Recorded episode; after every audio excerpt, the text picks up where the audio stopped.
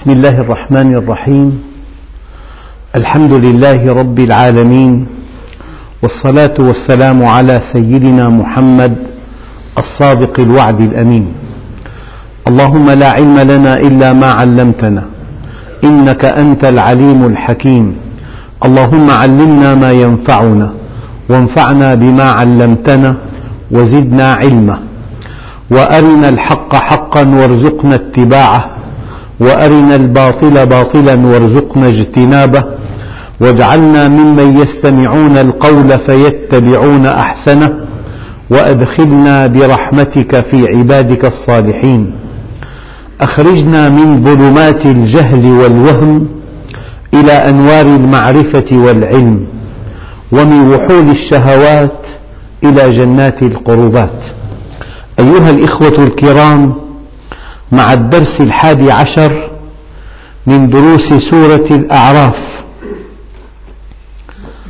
ومع الآية السادسة والعشرين وهي قوله تعالى يا بني آدم قد أنزلنا عليكم لباسا يواري سوآتكم وريشا ولباس التقوى ذلك خير ذلك من آيات الله لعلهم يذكرون. أيها الإخوة يا بني آدم كأن الله سبحانه وتعالى أراد أن أراد أن يذكرنا بالدرس البليغ الذي تلقاه آدم. أراد أن يذكرنا بدرس سيدنا آدم مع الشيطان.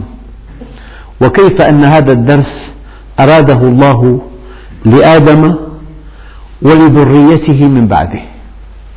إن الشيطان لكم عدو فاتخذوه عدوا. كيف أن هذا الدرس أشار إلى أن معركة الحق والباطل معركة أزلية أبدية. قال اهبطوا بعضكم لبعض عدو. درس بليغ. في الأرض حق وباطل خير وشر جمال وقبح عدل وجور إحسان وإساءة. أهل الدنيا القبابلة مع القوة والإساءة والدنيا وكفروا بالآخرة. وأهل الإيمان مع الكمال والإحسان وآمنوا بالآخرة. لذلك الله عز وجل في قوله تعالى يا بني آدم يذكرنا بالدرس البليغ الذي تلقاه آدم من ربه لأن, لأن آدم عليه السلام كان في جنة برأي معظم العلماء في الدنيا. جنة في الدنيا لأن جنة الآخرة تأتي بعد التكليف. بينما جنة الدنيا التي كان فيها آدم كانت قبل التكليف. ولأن جنة الدنيا يمكن أن يخرج منها المرء لكن جنة الآخرة وما هم منها بمخرجين. إذا من قوله تعالى يا بني آدم أي أراد الله عز وجل منا من خلال الخطاب يا بني آدم أن يذكرنا بالدرس البليغ الذي تلقاه آدم قبل أن يأتي به إلى الدنيا ليكون في الدنيا. هذه الإثنينية الحق والباطل الخير والشر آه، الإحسان والإساءة الصدق والكذب. يا بني آدم قد أنزلنا عليكم لباسا يواري سوآتكم أنزلنا أي أنزلنا المطر من السماء. وهذا المطر الذي نزل من السماء أنبت النبات. ومن بعض أنواع النبات ما صنعت منه الخيوط ومن الخيوط ما صنعت به النسج ومن النسج كان لباسنا. يا بني آدم قد أنزلنا عليكم لباسا. الآن أول معصية عصيت في عالم البشر هو نزع الثياب. ينزع عنهما لباسهما ليريهما سوآتهما. إذا في عنا شيء اسمه ستر للعورات وكشف للعورات. إبليس ومن لف لفه وأتباعه إلى يوم القيامة مع كشف العورات. والوحي الإلهي والإرادة الإلهية والمنهج الإلهي مع ستر العورات. يا بني آدم قد أنزلنا عليكم لباسا يواري سوآتكم. أيها الإخوة الحقيقة السوءة هي العورة المغلظة واللباس يواري السوءة. وهذا اللباس أراده الله عز وجل لأنه صنع من مواد هي من خلق الله عز وجل. وأحيانا هذا الشيء تدرك يقينا أنه خلق من أجل هذا الشيء. أحيانا تجد نبات أخضر أخضر فقط لا يزهر ولا يثمر هو فقط من أجل أن ترى منظرا أخضر اللون. هناك شجرة من أجل أن تكون ظلا أوراق دائمة أوراق آه، منممة كثيفة مطبقة على شكل دائرة والجزء مستقيم. تدرك أن هذه الشجرة إنما صممت من أجل أن تكون ظلا للإنسان. لو جلت جولة فكرية في خلق الله عز وجل لوجدت أن الشيء قد تفهمه بوظيفته. يعني في أشياء خلقها الله خصيصا للإنسان. هذا باب كبير في التفكر. يعني لماذا هذا الماء في خاصة يتميز بها؟ أنه إذا بردته إلى درجة زائد أربعة يزداد حجمه فتقل كثافته فيطفو. لولا هذه الخاصة لما كان هذا الدرس ولما كانت حياة على سطح الأرض. لماذا في ماء العين مادة مضادة للتجمد؟ لولا هذه الخاصة كل إنسان دخل في جو تحت الصفر يفقد بصره. أنت تشعر أحيانا أن هذا الشيء خلق خصيصا لهذا الشيء. لذلك النباتات التي تحاك منها الخيطان القطن الكتان هذه النباتات مصممة كي تصنع قماشا نرتديه اللؤلؤ من أجل أن يكون زينة للنساء. اللحم من أجل أن يأكله الإنسان طريا. أنت حينما تجول في عقلك حينما تجول بفكرك في هذا الكون الواسع ترى أن كل شيء له سبب وله غاية. أن كل شيء له سبب وله غاية. وأن العقل يرفض التناقض وهذا هو التفكير الصحيح.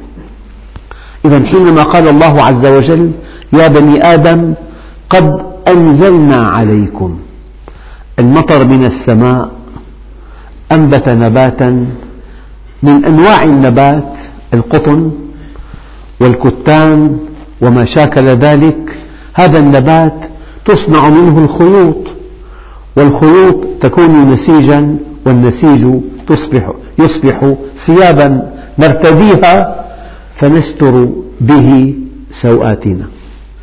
يا بني آدم قد أنزلنا عليكم لباسا يواري سوآتكم لكن إبليس كما وصفه الله عز وجل ينزع عنهما لباسهما ليريهما سوآتهما.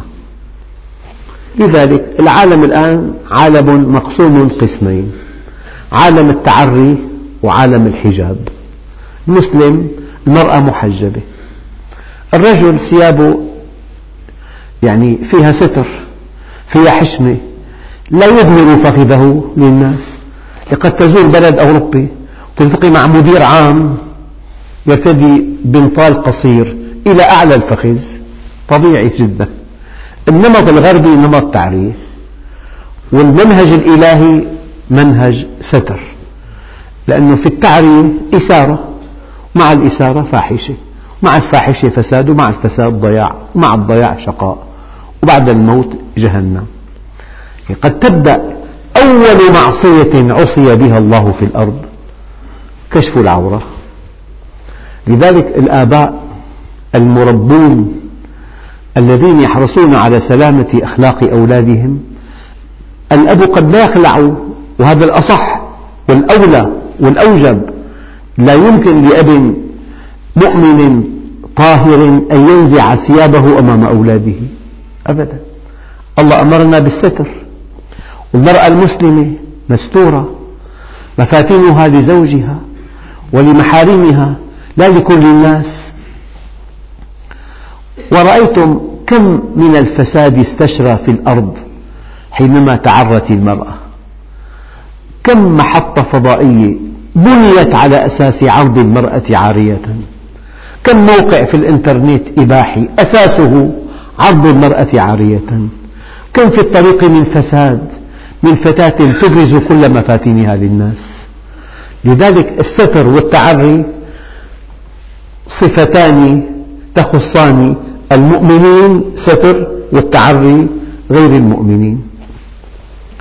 يا بني آدم قد أنزلنا عليكم لباسا يواري سوآتكم. صدقوا أيها الإخوة المرأة التي ترتدي ثيابا محشومة والله كأنها ملكة. وأنت حينما ترى امرأة ترتدي ثيابا محتشمة كأنها أختك. لا تفكر بشيء آخر.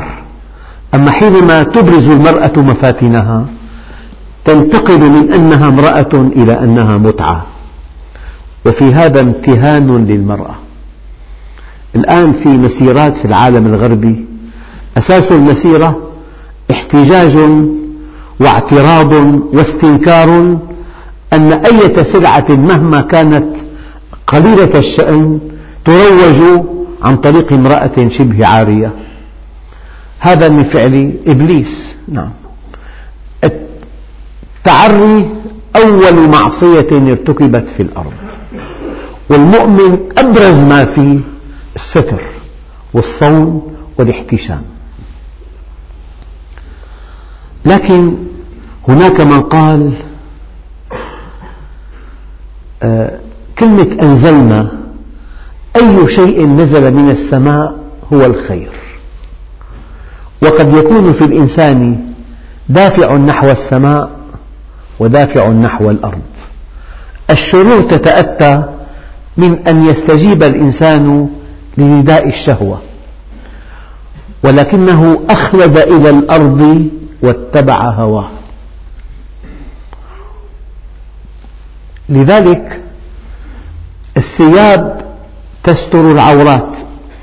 قال تعالى يا بني آدم قد أنزلنا عليكم لباسا يواري سوآتكم وريشا.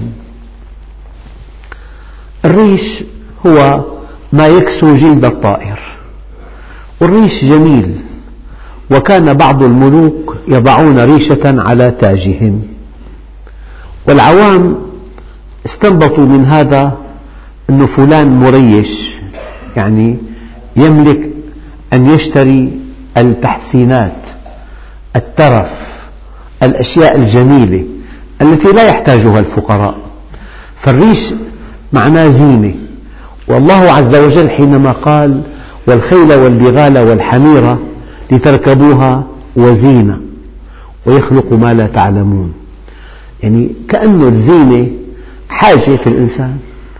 الإنسان يسكن في بيت لكن يستمتع ببيت مطلي بطلاء لطيف في ألوان جميلة.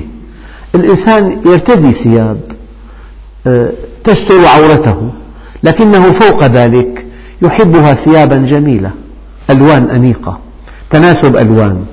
فكأن الله سبحانه وتعالى أودع فينا حب الشيء الجميل. وقد قالوا الإنسان فطر على حب الجمال والكمال والنوال. النوال هو العطاء.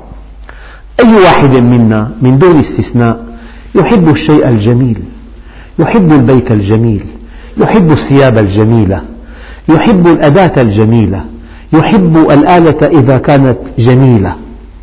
لذلك الآن قضية الجمال واضحة جدا في العالم. يعني أي شيء له مظهر جميل. هذا شيء ليس منافيا للفطرة لكن العالم الغربي بالغ بتجميل الحياة حتى أصبحت بلاده مهوى للقلوب. ونحن قصرنا كثيرا لم نعبأ بتجميل بلادنا حتى نفر منها أبناؤنا. يعني بيت جميل والجمال لا يحتاج إلى أموال طائلة يحتاج إلى ذوق. وجنة المؤمن داره. يعني أحيانا يكون الطلاء بسيط ورخيص جدا لكن الطلاء بلون زاهي والأساس متناسب مع لون الطلاء. وكل شيء بالغرفة مشتق من لون موحد. مرة دخلت إلى صالة للأفراح وللتعزية. يعني لفت نظري تناسق ألوان عجيب. فالإنسان يرتاح. من قال لك إن الإنسان ينبغي ألا تكون حياته جميلة. كن متأنقا في ثيابك. اختر ألوانا تناسبك. اختر آه، يعني أدوات فيها مسحة جمالية. هي حاجة أساسية. لا تنتقد الآخرين إذا أرادوا أن يكون الشيء جميلا. هذه فطرة. لكن ما من شهوة أودعها الله في الإنسان إلا وجعل لها قناة نظيفة. الجمال في البيت في المدخل في غرفة الضيوف في التناسق في الأزهار. لكن أن تصل إلى الجمال عن طريق المعاصي والآثام المرأة جميلة. لكن الله سبحانه وتعالى جعل لك لهذا الجمال طريقا شرعيا أن تتزوج فقط. والبيت جميل لكن جعل لك لهذا البيت الجميل طريقا واحدا أن تعمل عملا شريفا وأن تكسب رزقا حلالا وأن تشتري بيتا جميلا. أما أن تكون متعتك بالجمال على حساب دينك وعلى حساب مبادئك هنا الخطأ وقد رسب من يفعل هذا في الامتحان. إذا يا بني آدم قد أنزلنا عليكم لباسا يواري سوآتكم وريشا.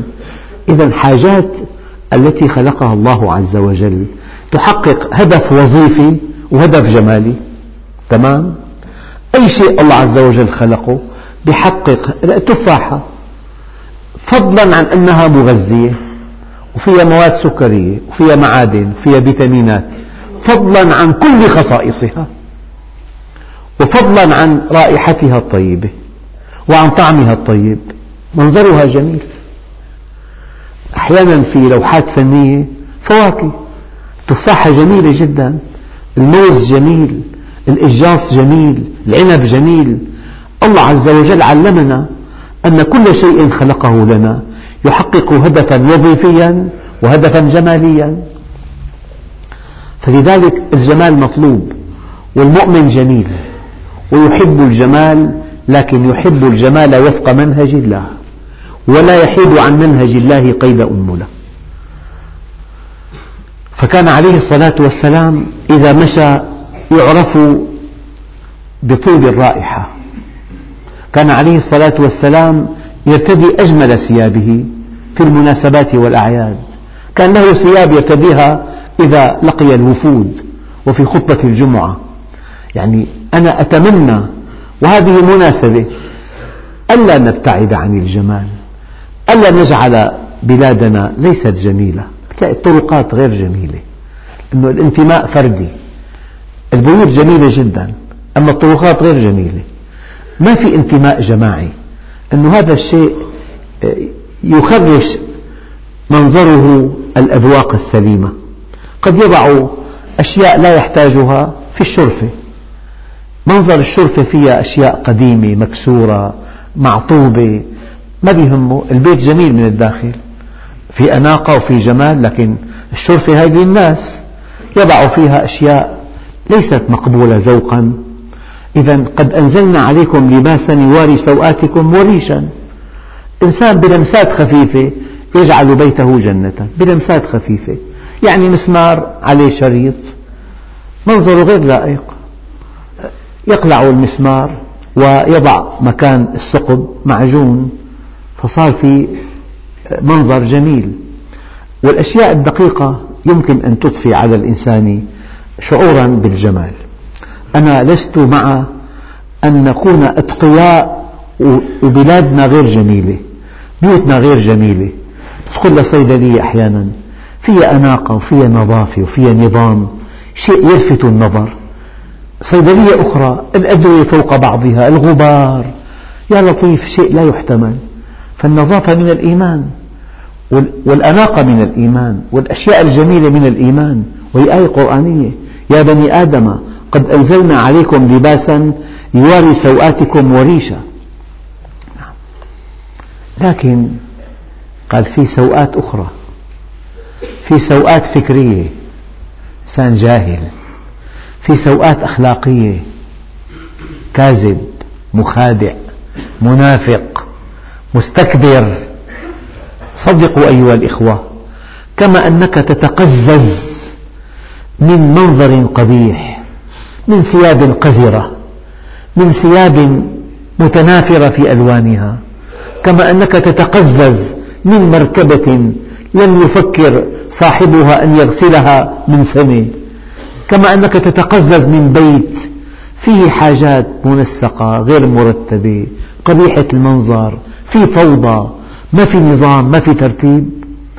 المؤمن يتقزز من كلمة بذيئة من مزاح رخيص من مزاح جنسي من كبر من استعلاء من نفاق من إنسان ذي وجهين. هذه سوءات ثانية. والله لا أبالغ لعل السوءات الثانية أشد إيلاما للنفس من السوءات الأولى. يا بني آدم قد أنزلنا عليكم لباسا يواري سوآتكم والإنسان أيها الإخوة من دون ثياب منظره يدعو للتقزز ولحكمة بالغة بالغة. قد أنزل الله علينا هذه الثياب.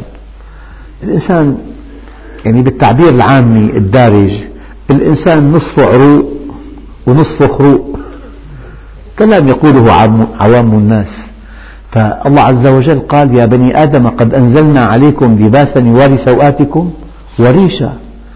يعني في أشياء جمالية. البيت بيت والبيت دافئ لكن ما في جمال. في مدفأة غير منظفة مثلا. في صحن يؤدي الوظيفة لكن أكل عليه الدهر وشرب. منظره مقزز. يا بني آدم قد أنزلنا عليكم لباسا يواري سوآتكم وريشا. لكن الكذب سوءة.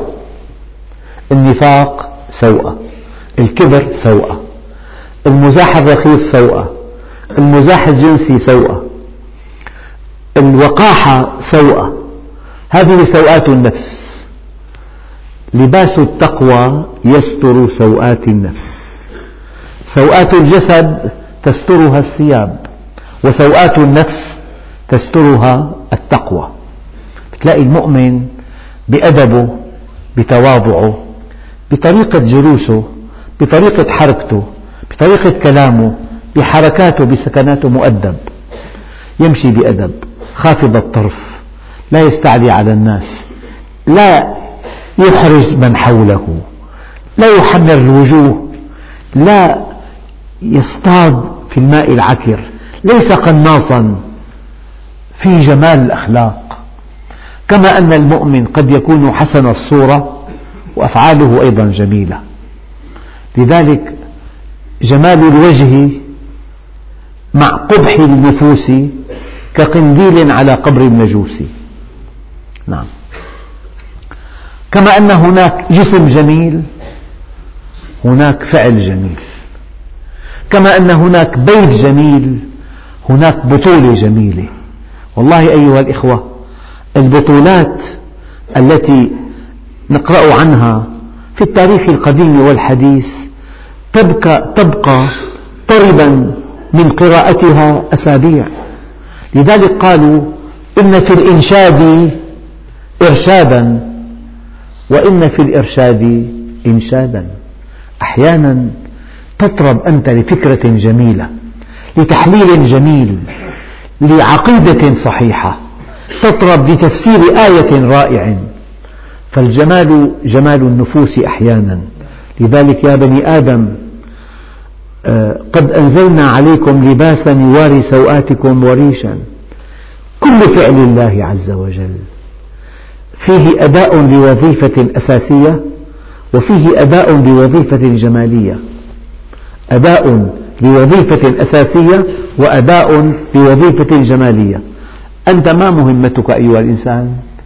أنت أيضا إذا قدمت شيئا قدمه بغلاف جميل. إذا أردت أن تنصح إنسانا انصحه بكلام جميل بكلام لطيف بكلام متواضع. يعني يجب أن يكون الجمال منهجا في حياتنا. جمال الشكل والنظافة والأناقة والإنسجام وجمال الأفعال. والمؤمن جميل لأن الله جميل يحب الجمال. نعم. يا رسول الله إن أحدنا يحب الثياب الحسنة. هل هذا من الكبر؟ قال لا. الكبر بطر الحق وغمط الناس. الكبر أن ترفض الحق. وأن تبخس الناس أشياءهم هذا كبر. أما أن يكون بيتك جميل مرة ثالثة ورابعة وخامسة أنا لا أقصد بالجمال الذي يحتاج إلى ملايين مملينة والله مرة دخلت لبيت في, في الغوطة يعني لفت نظري جمال بسيط جدا. كل آه، أسس النباتات بحجم واحد مطلية باللون الأخضر بقياس واحد. هذا شيء جمالي. يعني البيت دهان بسيط جدا اطلاء بسيط جدا بس لون لطيف. ما في حاجة غير يعني مهمة في البيت. كل شيء أساسي. أيام ستارة لطيفة. ألوان الستارة تنسجم مع آه، الأساس. أيام السجادة الطقم أزرق وسجادة خمري. ما بتتناسبوا. أيام سجادة من لون الطقم تقريبا. تعطي, تعطي جمال. فالجمال مطلوب. مطلوب عن كل الناس. وأنت بإمكانك أن, تن أن تتنامى أذواقك حتى يكون البيت جميل. قد يكون خمسين متر بس فيه جمال. قد يكون يعني مركبة قديمة جدا بس فيها جمال فيها أناقة. هذا من قوله تعالى وريشا. النقلة الثانية كما أن هناك سوءة في الجسد. عورة مغلظة منظرها قبيح. هناك سوءة في النفس. سوءة الجسد تسترها الثياب وسوءة النفس تسترها التقوى. الاتصال بالله وطاعة الله واقتباس الكمال الإلهي. أن تكون رحيما أن تكون متواضعا أن تكون حليما. أن تكون لطيفا أن تكون شفوقا أن تكون منصفا أن تكون عدلا. يعني البطولات لا تنسى. البطولات لا تنسى. يا بني آدم قد أنزلنا عليكم لباسا يواري سوآتكم وريشا ولباس التقوى ذلك خير. كل شيء نزل من السماء هو الخير مثلا. الله عز وجل يقول وأنزل لكم من الأنعام ثمانية أزواج. أيضا المطر نزل من السماء والأرض أنبتت هذا العشب والحيوان أكل هذا العشب فنمى جسمه وتكاثر. فكأن هذه الأنعام أنزلت علينا من السماء. هذا المعنى الثاني. الآن وأنزلنا معهم الكتاب والميزان. لقد أرسلنا رسلنا بالبينات وأنزلنا معهم الكتاب والميزان ليقوم الناس بالقسط. إذا الكتاب ميزان الكتاب منهج الكتاب فيه افعل ولا تفعل افعل الخير ولا تفعل الشر افعل العدل ولا تفعل الظلم. وهذا الكتاب نزل من السماء. وأنزلنا الحديد فيه بأس شديد ومنافع للناس. المنافع بأس الحديد ينفع الناس في صون القيم يعني السيف من الحديد والأسلحة كلها الآن من الحديد. لكن شتان بين أن يكون السلاح لصون القيم أو أن يكون السلاح لصون الكفر والعدوان. نحن الآن في عصر استثنائي. يعني كما قال عليه الصلاة والسلام كيف بكم؟ إذا لم تأمروا بالمعروف ولم تنهوا عن المنكر. قالوا أوكائن ذلك يا رسول الله؟ قال وأشد منه سيكون. قال كيف بكم إذا أمرتم بالمنكر ونهيتم عن المعروف؟ قالوا أوكائن ذلك يا رسول الله؟ قال وأشد منه سيكون. قال كيف بكم إذا أصبح المعروف منكرا؟ السلاح في تاريخ البشرية يدعم الحق يدعم الهدى. الآن السلاح يدعم الكفر يدعم الفساد يدعم الإباحية. موت كعقاص الغنم لا يدري القاتل لما يقتل ولا المقتول فيما قتل. موت كعقاص الغنم لا يدري القاتل لما يقتل ولا المقتول فيما قتل. يوم يذوب قلب المؤمن في جوفه مما يرى ولا يستطيع أن يغير. إن تكلم قتلوه وإن سكت استباحوه. لذلك لقد أرسلنا رسلنا بالبينات وأنزلنا معهم الكتاب والميزان ليقوم الناس بالقسط بالعدل لينفذ أمر الله. ودعما لهذا الأمر الإلهي ودعما لهذا الوحي السماوي ودعما لهذا الحق الذي هو من عند الله وأنزلنا الحديد فيه بأس شديد ومنافع للناس. البأس أن يكون سلاحا تدافع به عن الحق وعن نفسك. أيها الإخوة الكرام لا زلنا في أنزلنا. كل شيء نزل من السماء فيه خير كبير. فيه نعمة كبيرة. وكل شيء جاءنا من البشر فيه شر كبير. لذلك قال تعالى ظهر الفساد في البر والبحر بما كسبت أيدي الناس. ظهر الفساد في البر والبحر بما كسبت أيدي الناس ليريهم بعض الذي عملوا لعلهم يتقون. سوءات الحس تواريها الثياب وسوءات القيم تواريها التقوى. ولعل سوءات القيم أشد قبحا من سوءات الحس. أيها الإخوة الله عز وجل يقول قل من حرم زينة الله التي أخرج لعباده والطيبات من الرزق. قل من حرم زينة الله التي أخرج لعباده والطيبات من الرزق؟ هذه الأشياء الجميلة من نعم الله الكبرى. والله دخلت مرة مدرسة شرعية. والله يعني فيها لمسات جمالية. شيء يحير العقول. يحير العقول. الدخول للمدرسة شيء محبب. حدثني أخ مقيم ببلاد بعيدة من شدة أناقة المدرسة وجمال أبهائها وتأمين الحاجات التي ترضي الطلاب. الطفل في يوم العيد يبكي تتوق نفسه للذهاب إلى المدرسة. يجب أن تكون هكذا مدارسنا وهكذا مساجدنا وهكذا بيوتنا. العنصر الجمالي نحن مقصرون جدا فيه.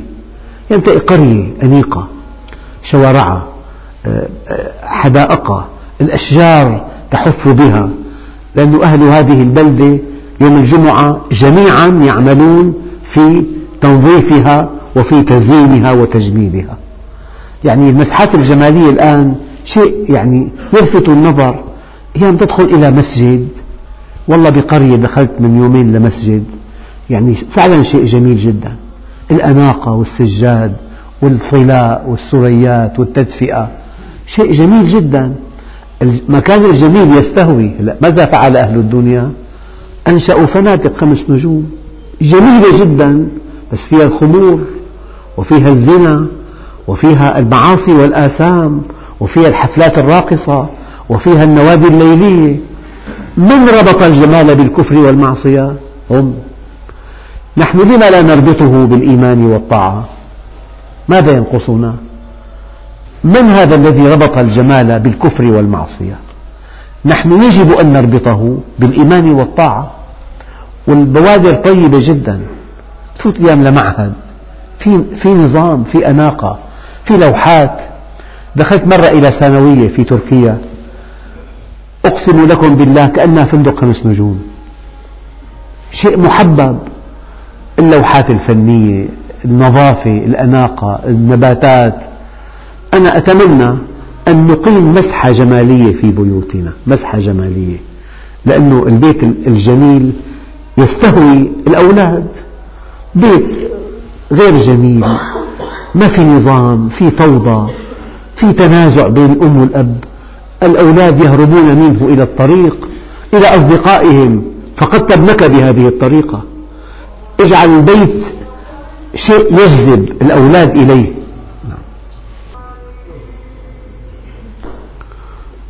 أيها الإخوة يعني الأشياء الجميلة والأنيقة هي من الإيمان وأيضا من الحضارة. يعني تلاقي حديقة ببلد متطور يعني نظيفة بشكل غير غير معقول وما في إنسان ممكن يؤذي الحديقة. بتلاقي حديقة ببلد متخلف حينما أنشئت رائعة جدا بعد حين أصبحت مكان للقمامة صارت. هذا شيء غير معقول إطلاقا. فنحن لازم نربي أبنائنا أنه يعتني بالأشياء العامة بحديقة يعتني بالمركبة العامة. ما يكتب أيام بتلاقي خط مكتوب على الحيطان يكون حيط حجر ما عاد له حل بده نحت بقى مرة ثانية ففي يعني تصرف غير جمالي غير مقبول إطلاقا بسبب ضعف التربية وضعف القيم والوازع. لذلك أنا ركزت بهالآية على كلمة وريشا نحن إذا بيوتنا جميلة جمال الانسجام مو جمال الفخامة والغلاء جمال الانسجام بأيام طلاء البيت بطلاء رخيص لكن بلون زاهي يعمل راحة نفسية. أيام الأساس المتناسب يعمل راحة نفسية. لما بيوتنا ليست جميلة إطلاقا وفي خصومات الطفل هرب من البيت لقى الطريق أجمل. قعد مع رفقاته فات لمطعم. خسرناه. خلي ابنك عندك. اعمل له غرفة خاصة. اعتني اعمل له فيه مسحات جمالية. اعمل له منظر طبيعي صغير. لوحة آية قرآنية مثلا. يعني أنا بتمنى أنه نربط الإيمان بالجمال. الإيمان جميل. الإيمان أجمل شيء بحياتك أنه أنت مؤمن. صادق أمين متواضع. وضيف لإيمانك وتواضعك ورحمتك وإنصافك وعدلك وفصاحتك. ضيف هيك مكان جميل. عندك محل تجاري خليه جميل. مكتب خليه جميل. صيدلية خليها جميلة. الجمال بيجذب. الغرب انتبه لهالناحية هي. أي مكان تذهب إليه؟ هلا بتلاقي بطريق عام. ما اللون تبعه؟ ما له لون أبدا.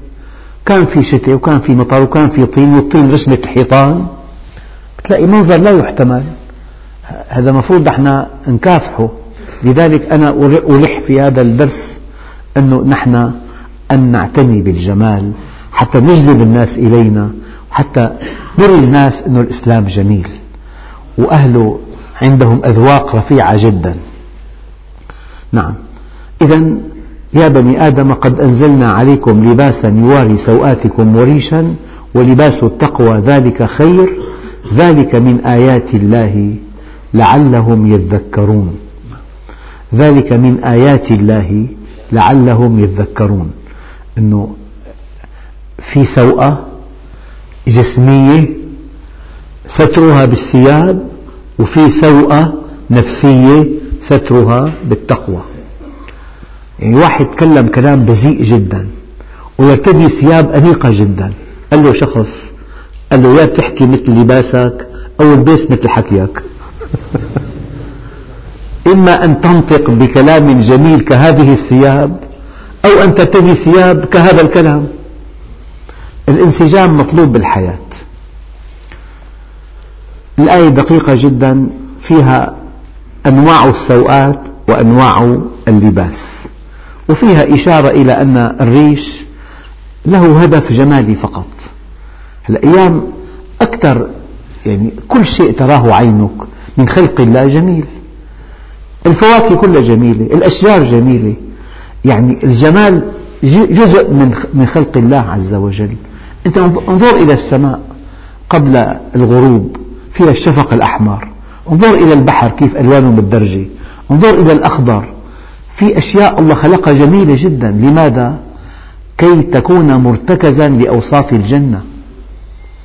في أماكن فيها غابات فيها إطلالة على بحر في أشجار جميلة الأزهار كم نوع من الزهر؟ والله في مئات ألوف أنواع النباتات هدفها فقط إمتاع العين فقط ما في شيء ثاني. أنواع ألوف مؤلفة من النباتات الجميلة من أجل أن تستمتع بها. فلذلك إلا أن الجمال في الإسلام منضبط بمنهج الله. ما في مثلا بدنا نعلم طلاب الفنون الجميلة برسم امرأة عارية هذا شيء مرفوض بديننا أن المرأة لها أحكام خاصة. المرأة زوجة مقدسة المرأة بنت مقدسة. ما بصير تكون مرأة سلعة رخيصة أو مظهر جمالي فقط. المرأة يجب أن تصان بالثياب. أما جمالها لزوجها لمحارمها وليس لكل الناس. والحمد لله رب العالمين.